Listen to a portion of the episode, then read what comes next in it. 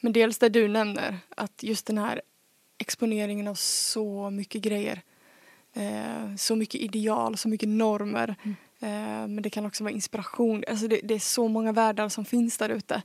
Eh, folk som vill liksom propagera för sin sak, för sina ord, för det de står för. Um, och det kan ju påverka på ett sätt. Samtidigt som jag kan se ett annat perspektiv av att just ja, men det tappas lite just det här med att checka vad är det som stämmer och inte. Gå tillbaka och göra sin reality check. Um, kolla av vad, ja, men så här, när det sprids mycket nyheter eller folk sitter och pratar passionerat om ett ämne. Um, och låter övertygande. Exakt. Mm. För det är duktiga människor som sitter och pratar bakom kameran i yeah. de här kontexterna. Och övertygar så många personer. Och de glömmer att faktiskt ta tillbaka det till sig själva. Så här. Men vad tycker jag egentligen? Vad är det som är sant i detta? Vad kan jag faktakolla? Eh, och jag fattar att det är lätt när man... Jag har själv suttit framför människor som är så otroligt övertygande och jag bara wow, jag tror på allt du säger. Mm. Men att ha den medvetenheten i sig att så här, gå tillbaka till sig själv. Okej, okay, men vad, vad tänker jag på riktigt om det här? Ska jag läsa på mer om det här? Och det är en process. Mm. Det är ett arbete som behöver läggas ner. Um, så jag tänker att det finns två sidor av det. Ja, vi kan falla för allt det här. Men det finns också ett ansvar att ta reda på vad som faktiskt stämmer och ta tillbaka det till oss själva. Eh, och när det kommer till den yngre generationen så tycker jag att föräldrarna har ett ansvar där också. Mm. Att så här, kom ihåg och tänk själv också. Mm. Kom ihåg och ta tillbaka det till dig själv. Mm. Men det kan också vara att föräldrarna också är i den bubblan att så här, nu får jag också mycket intryck för de sitter också på Facebook idag och Instagram.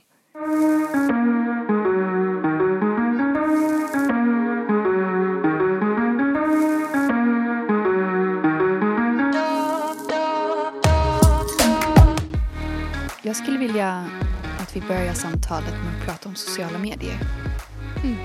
Jag hoppar egentligen rakt in i det som väldigt ofta figurerar i våra mobiltelefoner eh, i samband med det här temat. Mm. Och på ett sätt så är det ju paradoxalt för att å ena sidan så uppmuntrar vi i varje avsnitt till att eh, hänga med i sociala medier för att egentligen hålla sig uppdaterad på det vi gör. Eh, sociala medier är också vårt medel för att förmedla storasystertjänsten. Så att på många sätt och vis är ju det här temat väldigt nyanserat. Mm.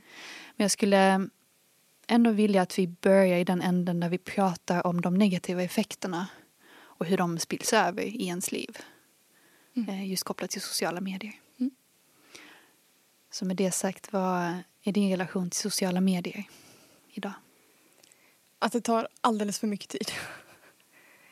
Eh, men bara det att jag, jag jobbar ju dessutom med sociala medier.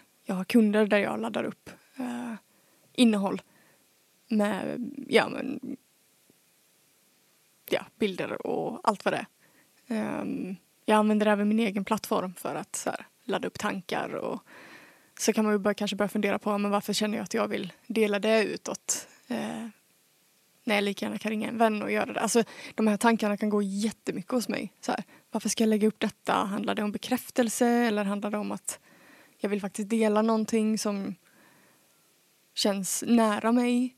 För trots allt så har alltså vi har ju vuxit upp i en generation där sociala, sociala medier har kommit till. Vi har inte fötts in i det. Så jag tror där är det liksom en balansgång för mig i mina tankar att okej, okay, jag kan sitta och snacka med mina vänner men jag kan också tycka om att dela saker på sociala medier. Mm. Um, men med det sagt så är det ju en sak att dela men att också så här, hang up. Jag vet inte hur jag ska säga det på svenska men eh, jag tror de som lyssnar förstår vad jag menar. Så här att, ja, med gillningar, kommentarer, sitta och scrolla. Jag har haft en eh, en, ja, men, eh, en dålig vana att ligga och scrolla på telefonen när jag ska sova till exempel. Vilket gör att jag tar in sjukt mycket intryck innan jag precis ska somna vilket påverkar sömnen och det här finns det ju studier på. Mm. Um, Så jag, jag har blandade känslor till sociala medier. Mm. Och den kan, den kan vara ganska utmanande ibland. Mm. Mm. Och sitta och bli arg på vissa saker som delas där. Um, Mm. så, ja. Medan andra saker jag tycka är skitbra. Jag får jättemycket inspiration därifrån också. Så det är verkligen så här. Försöka greppa två världar. Liksom. Så det, ja. Vad är dina tankar? Mina tankar går också initialt till mitt jobb. För väldigt likt dig så jobbar jag ju också med marknadsföring och både marknadsföring i sociala medier men också liksom på andra marknadsföringsytor. Mm. Till exempel sökmotorer. Och jag kommer väldigt ofta på mig själv att säga det till eh, innehållsskapare att räkna alltid baklänges. Vad vill du ska hända? Vad är det den här kommunikationen som du ska publicera? Vad är det den ska främja? Vad är slutmålet? Mm. Eh, och det blir väldigt tydligt till exempel i sammanhang då det finns kunder som eh, ja, jobbar med att sälja produkter. Låt säga att det finns en e-handel som säljer smycken eller någonting. Då förstår man att slutdestinationen är att eh, ett smycke ska bli sålt. Mm. Men det är inte alltid så självklart. Det kan vara så att det säljs tjänster eller det säljs idéer. Bara det att man vill bedriva ett kulturellt skifte. Att ja, men vi vill att folk ska tänka om i den här frågan. Men då är vi inne på lite annan, liksom, annan planhalva.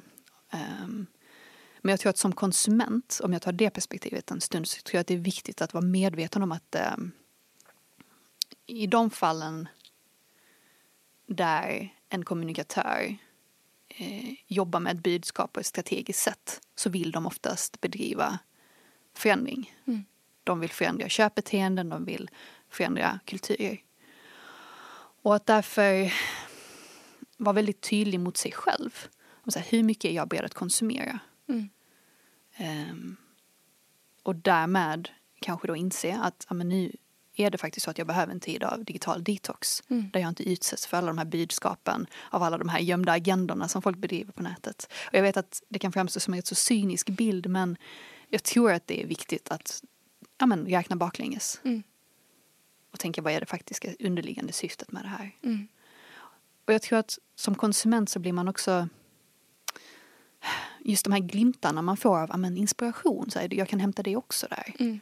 Att det blir en sån salig blandning av budskap. Att å ena sidan så gillar jag det för jag får det här värdet ut av det. Men å andra sidan tycker jag inte om att bli marknadsförd mot. Eh, och att linjerna suddas ut. Mm. Eh, och att på grund av att de suddas ut så pass mycket som de gör så blir det ännu viktigare att ta en digital detox. Mm. Och du nämner också det här med att vi växte upp, vi som ja, men, föddes på 90-talet, Mm. sent 80-tal, eh, har ju en faktisk sinnesförnimmelse av hur det kan kännas att inte vara utsatt för eh, digitala medier. Mm. Vi har ju någon typ av referens långt bak i minnet hur det kan vara. Och så har vi å ena sidan den andra foten inne i den världen där vi vet exakt hur det är eh, att ligga på kvällen och scrolla. Och, eh, men när jag tänker på de som har fötts in i det, jag tänker till exempel på min lillkusin som är precis i det åldersspannet att Mm. Han, han, det är ju den enda verkligheten han känner till att digitala, digitala medier är en förlängning av kommunikation med världen Mm. generellt. Mm. Och jag kan ibland bli rädd för att jag ser att han inte har fått tillräckligt mycket, i, i mina ögon då, tillräckligt mycket eh, exponering Mm. för hur ett liv kan kännas och se ut utan digital stimuli. Och vi pratade också lite grann innan vi satte igång och spelade in om den här omtalade dokumentären på Netflix, The Social Dilemma. Mm. Där jag tycker att de belyser väldigt tydligt vad det gör Mm. med yngre människor. Jag har ju lite blandade tankar kring just den dokumentären. Ja, berätta. Ehm, men dels det du nämner, att just den här exponeringen av så mycket grejer. Eh, så mycket ideal, så mycket normer. Mm. Eh, men det kan också vara inspiration. Alltså det, det är så många världar som finns där ute. Eh, folk som vill liksom propagera för sin sak, för sina ord, för det de står för. Ehm, och det kan ju påverka på ett sätt. Samtidigt som jag kan se ett annat perspektiv av att just ja, men det tappas lite just det här med att checka vad är det som stämmer och inte. Gå tillbaka och göra sin reality check. Um, kolla av vad, ja, men så här, när det sprids mycket nyheter eller folk sitter och pratar passionerat om ett ämne. Um, och låter övertygande. Exakt. Mm. För det är duktiga människor som sitter och pratar bakom kameran yeah. i de här kontexterna. Och övertygar så många personer. Och de glömmer att faktiskt ta tillbaka det till sig själva. Så här. Men vad tycker jag egentligen? Vad är det som är sant i detta? Vad kan jag faktakolla? Eh, och jag fattar att det är lätt när man... Jag har själv suttit framför människor som är så otroligt övertygande och jag bara wow, jag tror på allt du säger. Mm. Men att ha den medvetenheten i sig att så här, gå tillbaka till sig själv. Okej, okay, men vad, vad tänker jag på riktigt om det här? Ska jag läsa på mer om det här? Och det är en process. Mm. Det är ett arbete som behöver läggas ner. Um, så jag tänker att det finns två sidor av det. Ja, vi kan falla för allt det här. Men det finns också ett ansvar att ta reda på vad som faktiskt stämmer och ta tillbaka det till oss själva. Eh, och när det kommer till den yngre generationen så tycker jag att föräldrarna har ett ansvar där också. Mm. Att så här, kom ihåg och tänk själv också. Mm. Kom ihåg och ta tillbaka det till dig själv. Mm. Men det kan också vara att föräldrarna också är i den bubblan att så här, nu får jag också mycket intryck för de sitter också på Facebook idag och Instagram. Ja. Jag märker att jag brusar upp här. För att ja, det, jag brusar också här... upp. Det, det, finns få saker som gör mig så upprörd som när jag ser ofta unga föräldrar som står ibland med en barnvagn och scrollar sin telefon. Mm. Och det... Om det nu är sant, det här är den här gamla sägelsen att eh, barn inte gör som de blir tillsagda utan de gör så som de ser. Mm. Att föräldrarna och vuxna runt omkring modellerar för dem. Mm. Vad är det för generation vi håller på att uppfostra om barnet inte ens ja, får ögonkontakt eller alltså mm. Mm. jag kan bara föreställa mig vad det är för generation som håller på att fostras i talande stund. Mm. Och det är därför jag tycker väldigt mycket om Alexander Bard och eh, Jan eh, Söderqvists bok mm. eh, Digital libido. Mm. Där de pratar om den existentiella och liksom, eh, nivån på, på digitaliseringen och mm. eh, hur man kan navigera i den. Och jag tycker de, mm. det finns ett stycke i boken där de belyser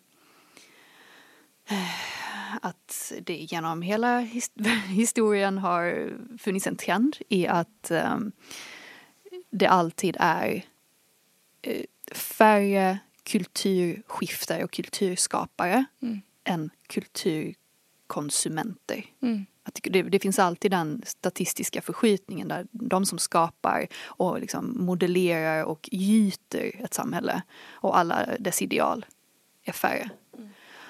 Um, och jag kan ofta upptäcka att när, i mitt jobb, eftersom att jag föreläser om digitalisering så kan jag ibland eh, i mig själv känna att jag går lite överstyr för att jag vill så gärna att fler människor, speciellt sådana som är underrepresenterade, um, ska ge sig ut och åtminstone liksom vara med mm. i det här landskapet. Um, för att ju fler ju större diversitet vi får mm. på den kommunikation som sprids i sociala medier, på internet, desto um, större chans, om jag ska vara riktigt dramatisk, desto större chans har vi att faktiskt fostras in i någonting som, som är hållbart och som inte är totalt förskjutet åt ett håll eller ett annat. Mm. Um, så att jag, ja, det kanske är ett avsnitt i sig att bara prata om uh, artificiell intelligens och hur maskiner lär sig baserat på statistisk data. Mm. Och alla vi som är kreatörer, vi som skapar vi blir ju något nummer. Alltså vi blir en siffra i det här maskineriet. Mm. Um, också en väldigt stor anledning till varför jag är så glad att vi gör det här. Um, och lär oss under resans gång. Jag hoppas mm. att det mm. inspirerar fler till att också börja använda sin röst. Mm. Absolut. Mm. Men vad sägs om att vi pratar om um, om man nu vill ta den här saken i sina händer och börja hitta lösningar för hur man kan spendera mindre tid framför skärmen. Vi kan, vi kan komma in på fördelarna senare, eh, men bara för att prata lite om substitut. Mm. Och för att koppla an till det så tänkte jag på... Ja, men det, det kopplar ju an till att så här, sitta och scrolla på sociala medier. Eh, och jag tänker också att det, det finns en koppling till det varför många är så rastlösa idag. Att vi rör inte på kroppen utan det blir att sitta och scrolla istället. Eh, jag vet att jag, jag, jag faller i den vad heter det, falluckan många gånger. Att, här, att jag känner att okej, okay, jag börjar tappa fokus, jag sitter och jobbar. Ja, men jag kanske behöver ta en paus, då tar jag upp mobilen, sitter och scrollar, vad har hänt på Instagram, vad har hänt på Facebook. Mm. Eh, istället för att så här, okej, okay, men behöver jag gå ut och ta en promenad? Behöver jag lägga mig på yogamattan och sträcka på mig, ställa mig upp och dansa? Eh, komma ner i kroppen, för att när du sitter, när du har ett jobb och sitter framför datorn som jag har, då fastnar jag ju uppe i huvudet, jag är uppe i huvudet liksom. Och då ta upp en annan skärm som också låter mig vara uppe i huvudet. Mm. Det blir ingen paus eller kontrast till det jag faktiskt gör. Mm. Um, Fast tror du inte det ändå? Att det uppstår en kontrast? Ja men det är olika kontraster i så fall. Precis. Mm. Uh, men jag, upp, jag tror inte det ger en paus rent mentalt. Utan Precis. du får fortfarande in massa intryck. Mm. Jag har ju stängt av mina notiser på allt i min telefon. Mm. Uh, ingenting vibrerar, ingenting kommer upp på min display. Utan jag ser det när jag kollar. Yeah. Um, och det har underlättat en hel del. Mm. Så stänga av notiser skulle jag säga är en, en av de grejerna om man så här, väljer att vilja ha kvar sina sociala medieappar. Mm. Eh, även på meddelanden, alltså sms, så har jag stängt av notiser utan jag får en, så här, en siffra när yeah. jag har fått sms. Jag tänker mig nästan att det påminner om eh, eh den, den, gamla så här, rökpausen. Mm. Att det är, så, det är absolut inte hälsosamt mm. men det innebär någon typ av kick, någon typ av ja, men mm. faktiskt kontrast mm. till kanske arbetet eller så. Att det är intressant hur, hur det har blivit den nya ciggen liksom. Mm. Men för att fortsätta på det du sa. Mm, med substitut. Exakt. Hur förhåller du dig till det? Jag tror att att hitta ett substitut till egentligen vilket boende som helst. Mm. För det är ju, jag tror det är det vi i grund och botten pratar om även om mm. det är ett större tema men det, det, är ett boende för sin mobiltelefon och, och så vidare. Um, på ett väldigt mänskligt plan så tror jag att substitut är det snabbaste sättet att uh, komma bort från ett beteende till ett annat. Det behöver inte betyda att det nya beteendet är bättre men det är åtminstone någonting annat. Mm. Och ibland kan det ju vara så att uh, ja Nej men vet du vad, jag ska, jag ska försöka plocka hem det till mig personligen. Jag bara kom ihåg att jag fick det tipset. Jag vet att jag tog ut min mamma i förra avsnitt också men ytterligare visdom som hon har gett mig också i samband med relationer, med romantiska relationer, det var att så här, ah, om du har svårt att komma över en kille så hitta dig själv en ny snabb lösning. kanske inte den mest långsiktiga lösningen, kanske mm. det jag egentligen hade behövt hade varit att faktiskt vara utan en partner ett tag och känna det som behöver kännas och inte väja undan för det. Mm. Um, men, men i den stunden tror jag mer att min mamma var eh, intresserad av att få sin dotter må bra så snabbt mm. som möjligt. Så då var det mer tillgängligt att föreslå att amen, gå ut på krogen eller så här, amen, mm. se, om, se om det kan finnas ett substitut. Mm. Bara för att snabba på processen egentligen. Um, men om jag ska tänka på substitut ja, alltså, i den digitala världen, för mig så det enda som har funkat det har faktiskt varit att uh, sätta väldigt tydliga gränser.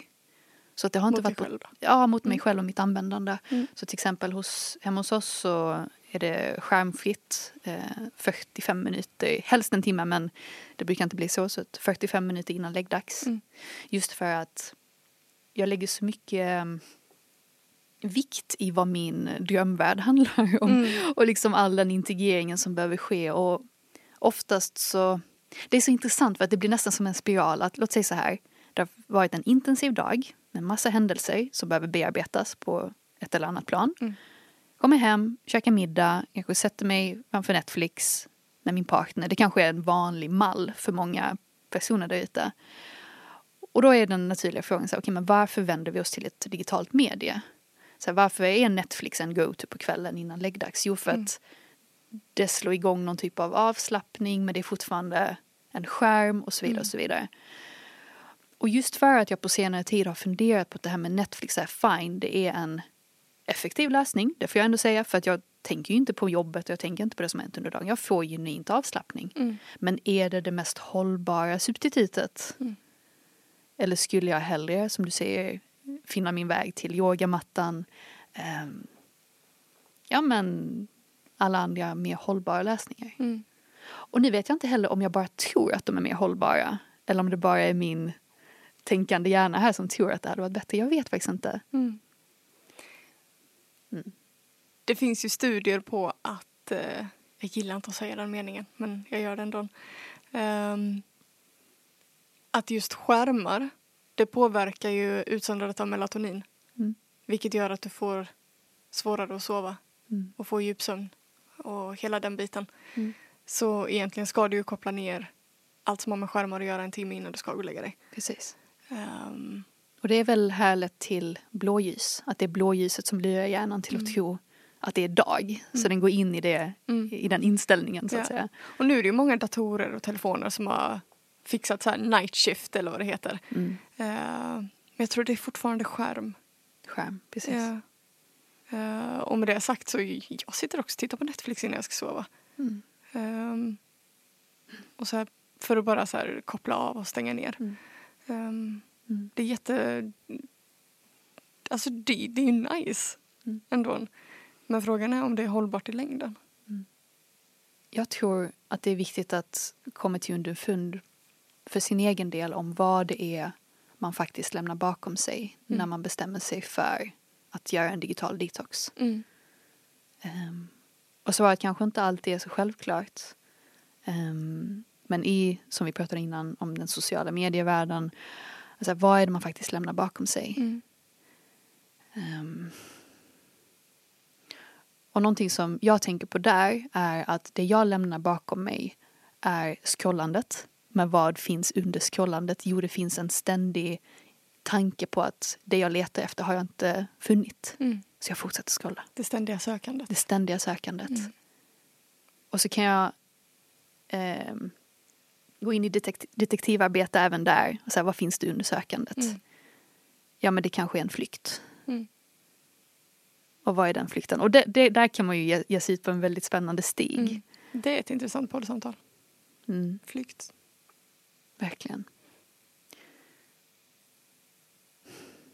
Jag är, bara, jag är bara väldigt rädd för vart vi kan vara på väg om vi som kollektiv inte skapar mer tid för, att, för digital detox. Mm. Och jag tror inte att våra chanser som kollektiv är goda för att vi har alla de här vetenskapskvinnorna och vetenskapsmännen som står bakom algoritmerna som vars enda yrke går ut på att hålla oss kvar Mm. i känslan av att vi behöver vara i det digitala spacet. Mm. Eh, och när vi är i det digitala spacet så är vi i en bubbla. Mm. Det blir en fullkomlig di- disassociation från Mm. det som är i den givna stunden, i den givna kroppen. Ja, exakt. Det är det som är intressant nu också när vi, när vi har det här med corona. Eh, folk sitter hemma, eller de flesta sitter hemma på sina kammare. Ehm, vissa ensamma, vissa kanske med familjen. Alltså så här, det blir ett vanemönster av att umgås med dem som är nära. Och att det är lätt att gå in i ja, men så här, scrollandet, sitta framför eh, ja, men olika medier av olika slag. Att vi missar den mänskliga kontakten. Eh, bara av att så här, ja, men, sitta och titta varandra i ögonen eller få beröring. Eh, för jag vet när jag, ni, ni, många av mina vänner som jag umgås med, vi lägger ju undan mobilerna när vi, när vi, när vi hänger. Det är så här, det har blivit naturligt att de kommer inte fram. Um, ligger kvar i jackan eller i, i väskan eller så här. Mm. Och sen så när man ska hem så bara oj, just det. Det finns en, en annan värld också. Mm. Eh, och jag kan återigen det här med du sa med barn och när du ser barn med föräldrar. Mm. Jag kan bli mörkrädd när jag sitter. Jag, vet, jag minns jag satt på Espresso House innan den här nya vågen Mm. eh, drog igång igen. Mm. Och så sitter det ett gäng killar, vad kan de ha varit? 15, 16 Mm. år gamla. Och alla sitter och scrollar med sina mobiltelefoner. Jag sitter i tio minuter och observerar dem och ingen säger någonting till varandra utan Mm. de sitter med sina mobiltelefoner och scrollar. Och ja, Eller dejter, det är ännu mer skrämmande. ja absolut. Nu har inte jag dejtat på flera år, jag vet inte hur den världen ser ut just nu. Åh. Ja, nej, vi vi ska väl kanske inte bli för prata för mycket om andra så men jag, det, det bara sticker i ögonen nu ett minne när du berättar om eh, Espresso House och de här Mm. killarna att jag var nyligen på en superfin restaurang med så Mm. flera rätter eh, som kom in på rullande band och det var så här, servitörerna var superpålästa och passionerade över det som presenterades. Eh, och och jag och mitt sällskap, vi, alltså vi är sådana hobbygastronomer så att vi Mm. älskar upplevelsen och kan inte tänka oss någon annanstans att vara i Mm. eller någon annan plats att vara på än just där och då eh, och få känna den här lyxen. Mm. Eh, att vara i, eh, ja men att, att bejaka livet där och då. Mm. Och så sitter det ett par, de ser uppenbart så välklädda och liksom, Mm. ja, lyxiga ut, Mm. utvändigt. Men de sitter med sina telefoner så när den här stackars, alltså det, det gjorde så ont i hjärtat när servitören gick fram och eh, skulle så stämma av om det var läge att presentera rätterna. Alltså kan du förstå att man går till en Mm. fin restaurang och det här är en del av upplevelsen. Och så Mm. bara, nej det var något som var mer intressant i flödet. Mm. Det var någonting som behövde letas upp. Mm. Mm. Allt förutom den givna stunden. Åh, det gjorde så ont i hela kroppen. Mm. Varför? Mm. Wow. Men jag gillar det du säger om upplevelser. Mm. Det känns som att vi missar upplevelser genom att vara så uppkopplade hela tiden. Mm. Det är därför jag älskar Borderland när jag var där. Mm. Alltså min mobil, jag tog nog upp min mobil en gång på en vecka. Mm. Det är ingen som använder mobiltelefon där. Alla är liksom på en och samma plats och är med varandra. Mm. Och den närvaron jag kände på den platsen, den närvaron och den kontakten med de människorna. Eh, ovärderligt. Mm. Och jag drar mig också till så här konserter för jag har Det känns som att jag sitter och hyllar mig och hur jag hanterar sociala Hylla medier. dig, snälla hylla dig. Nej men när jag är på, på konserter. Eh, jag har så här, jag, om det är någon jag verkligen gillar så spelar jag in en låt. Och sen så låter jag min mobil ligga i väskan. Mm. Men så ser man så här hela publikhavet, alla står med sina mobiltelefoner Nej. så här och tittar igenom skärmen. Ja, det där. du har där. artisten precis framför dig. Och du har 900 andra personer som filmar exakt det du också filmar. Exakt. Du kan kolla på det sen. Exakt, exakt. Jag vet inte, det kanske är en grej av att jag har filmat när jag har tittat på min favoritartist. Eh, men det är därför jag säger, jag kan filma en låt. Och sen är det... Vet du, jag vet inte tusan om det handlar så mycket om att det är jag som har filmat den artisten. Mm. Jag tror att det mer har att göra med att jag vill visa för alla andra att jag var där. bekräftelse. Ja. Jag har ett rikt liv. Alltså, jag vet inte, det känns som att eh, jag slirade ut lite på så här Nej, det var helt perfekt. is. Det kom ju perfekt. Jaha. Ja. Mm. Nej men så här, att så här... Ja, jag vet inte. Jag märker bara att jag brusar upp och blir så här, fan, ta vara på tillvaron. Mm. Ehm, Jag hajade till lite när du sa ordet upplevelse. mm, Jag kom på det nu att själva ordet att uppleva någonting. mm, Dels så har vi någonting att leva men så har vi också någonting som, jag ser nästan framför mig som ett batteri som går upp. Mm. Så här, uppleva. mm, Att ta ut det fulla i den givna stunden. Att ladda batteriet hela vägen till 100 procent, kanske Mm. till och med 110 procent Mm. av levandet i den Mm. stunden. Så Mm. upplevelse. mm, För att om jag inte tar tillvara på upplevelsen så kanske jag stannar på sådär, ja, men 50 procent. Mm. Jag tar in den givna stunden på ett 50-procentigt Mm. sätt. exakt. Och vad är, hur ser det sen ut på dödsbädden när jag kollar tillbaka och tänker på ett 50-procentigt? Alltså, Mm. ja, nu tar jag också ut svängarna. Mm. Men det, Nej, jag fattar. jag vet inte hur det skulle kännas Jag att kolla trodde inte tillbaka. det här skulle bli så känslomässigt laddat. Men det är passionerat jag. Ja, men så här, jag, jag, jag är fascinerad. mm. Ehm, och jag tror just det här med upplevelser, för det är så viktigt för mig. Jag, och det, det slog mig bara för några månader sedan att det, det är upplevelser som är så otroligt viktigt för mig, både för mig själv men att också skapa för andra. Det är därför jag jobbar med det jag gör. Um, och att då få se folk, alltså det häftigaste jag har sett det var när jag var med och skapade ett event där jag får stå bakom scenen, jag ser publiken och när jag ser dem se vad som händer på scenen och se de ansiktsuttrycken och se att de är så här tar in, är närvarande och bara fylls upp som det här med batteriet. Yeah. De fylls upp yeah. av upplevelsen. Alltså jag stod där och jag visste inte, så här, du vet känslan av att bli överväldigad. Jag visste inte vart jag skulle ta vägen. Mm. Och den vill jag att fler ska få tillgång till. Genom att, jag vet inte. Alltså i slutet av dagen tror jag att det, det är ju det folk betalar för. De vill ju få känna sig levande. Det är därför man betalar för den där konserten. Mm. Man vill känna sig vid liv. Mm. Oavsett vad det handlar om. Konsert är ett väldigt så här, tydligt exempel. Men så här, varför köper jag de kläderna jag mm. gör? Så varför tycker jag de är coola? Varför vill jag lägga pengar på dem? Mm. För att de får min livsupplevelse att vara... De, de fyller upp mig med någonting mm. kanske. Mm. Eller så gör de det inte. Mm. Och då vänder jag mitt fokus till någonting annat som får mig att känna mig mer levande. Mm. Och den stor, det stora, stora missförståndet här det är ju då att livet är ju här och nu.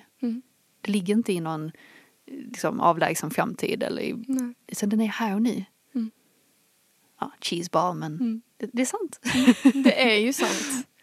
Det är ju jättesant. Um.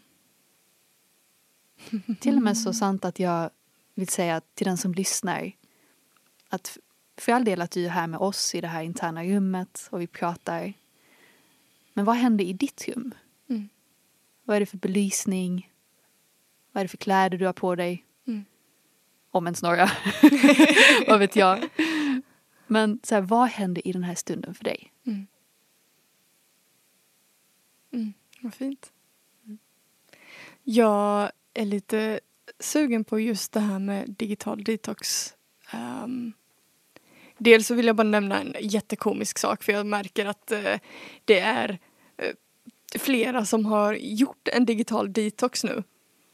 Och efteråt lagt ut det på Instagram hur bra det var. Mm. Den tycker jag är intressant. Men det var bara ett så här komiskt sidospår. Um,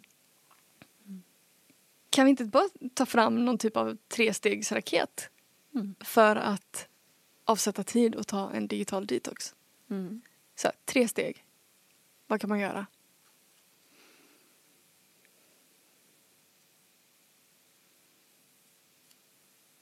Jag tänker första är väl så här, hur påverkar sociala medier dig? Checka av den först. Vad behöver du göra sen? Mm.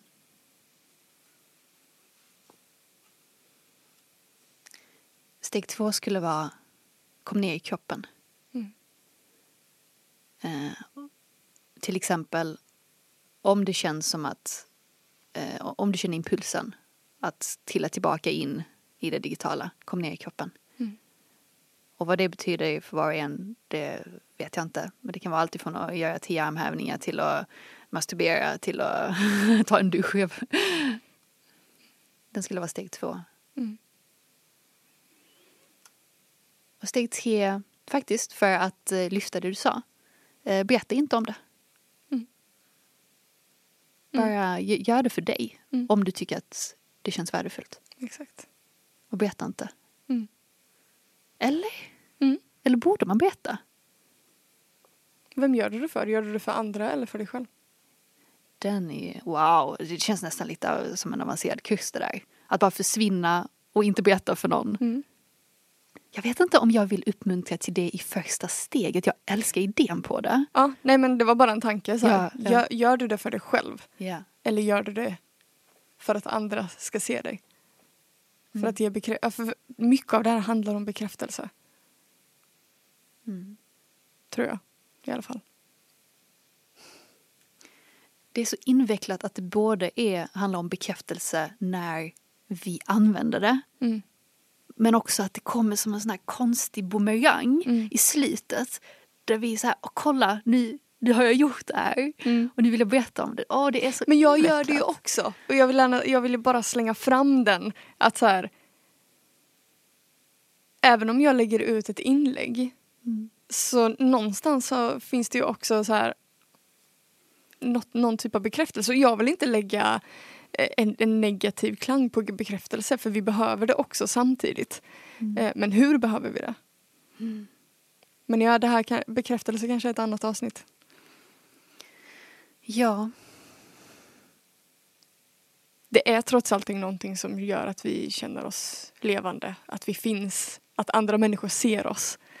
Eh, för vi, vi, in the end of the day, vi är flockmänniskor. Trots allt.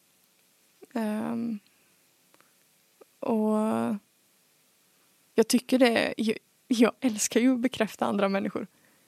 Mm. Och visa att jag känner uppskattning eller så här. Och jag gillar att få det också. Jag gillar när jag vet att mina vänner tycker om mig. Eh, så att, eh, och tycker om det jag gör eller att jag gör bra saker. Att jag så här. Det visar att jag är på rätt väg samtidigt. Men när det blir någonting som tar överhanden, det är där jag tror det, det, det blir det kan bli skadligt eller destruktivt. verkligen. Men att bekräftelse det är inget dåligt per se. Mm. Men att ta tillbaka det, alltså som vi har pratat om i många poddavsnitt och vi, vi säger ofta i cirklarna också att ta tillbaka det till sig själv. Mm. Var kommer det ifrån? Och att det också finns en dimension av att bli sedd och uppskattad för den som en är. Och inte bara för det som en gör och presterar och visar Mm. upp. Mm, det finns något väldigt mänskligt i, i det. Mm. Och att det bara är så enkelt att, att eh, visa upp i sociala medier. Det, det finns ju inbakat i själva ordet, essensen av att vara social. Mm. Bara att vi är det i ett medie. Mm. Precis. Mm. Jag kan ju inte låta bli att tänka på att jag la ut en yogavideo bara för några dagar sedan. på tal om bekräftelse. Bara, Vad, betyder, vad betyder den då? Vad betyder det Nej. Men jag använde ju den för att puffa för vårt avsnitt då. Just det. Eh, för jag, ja, men jag vill lägga ut...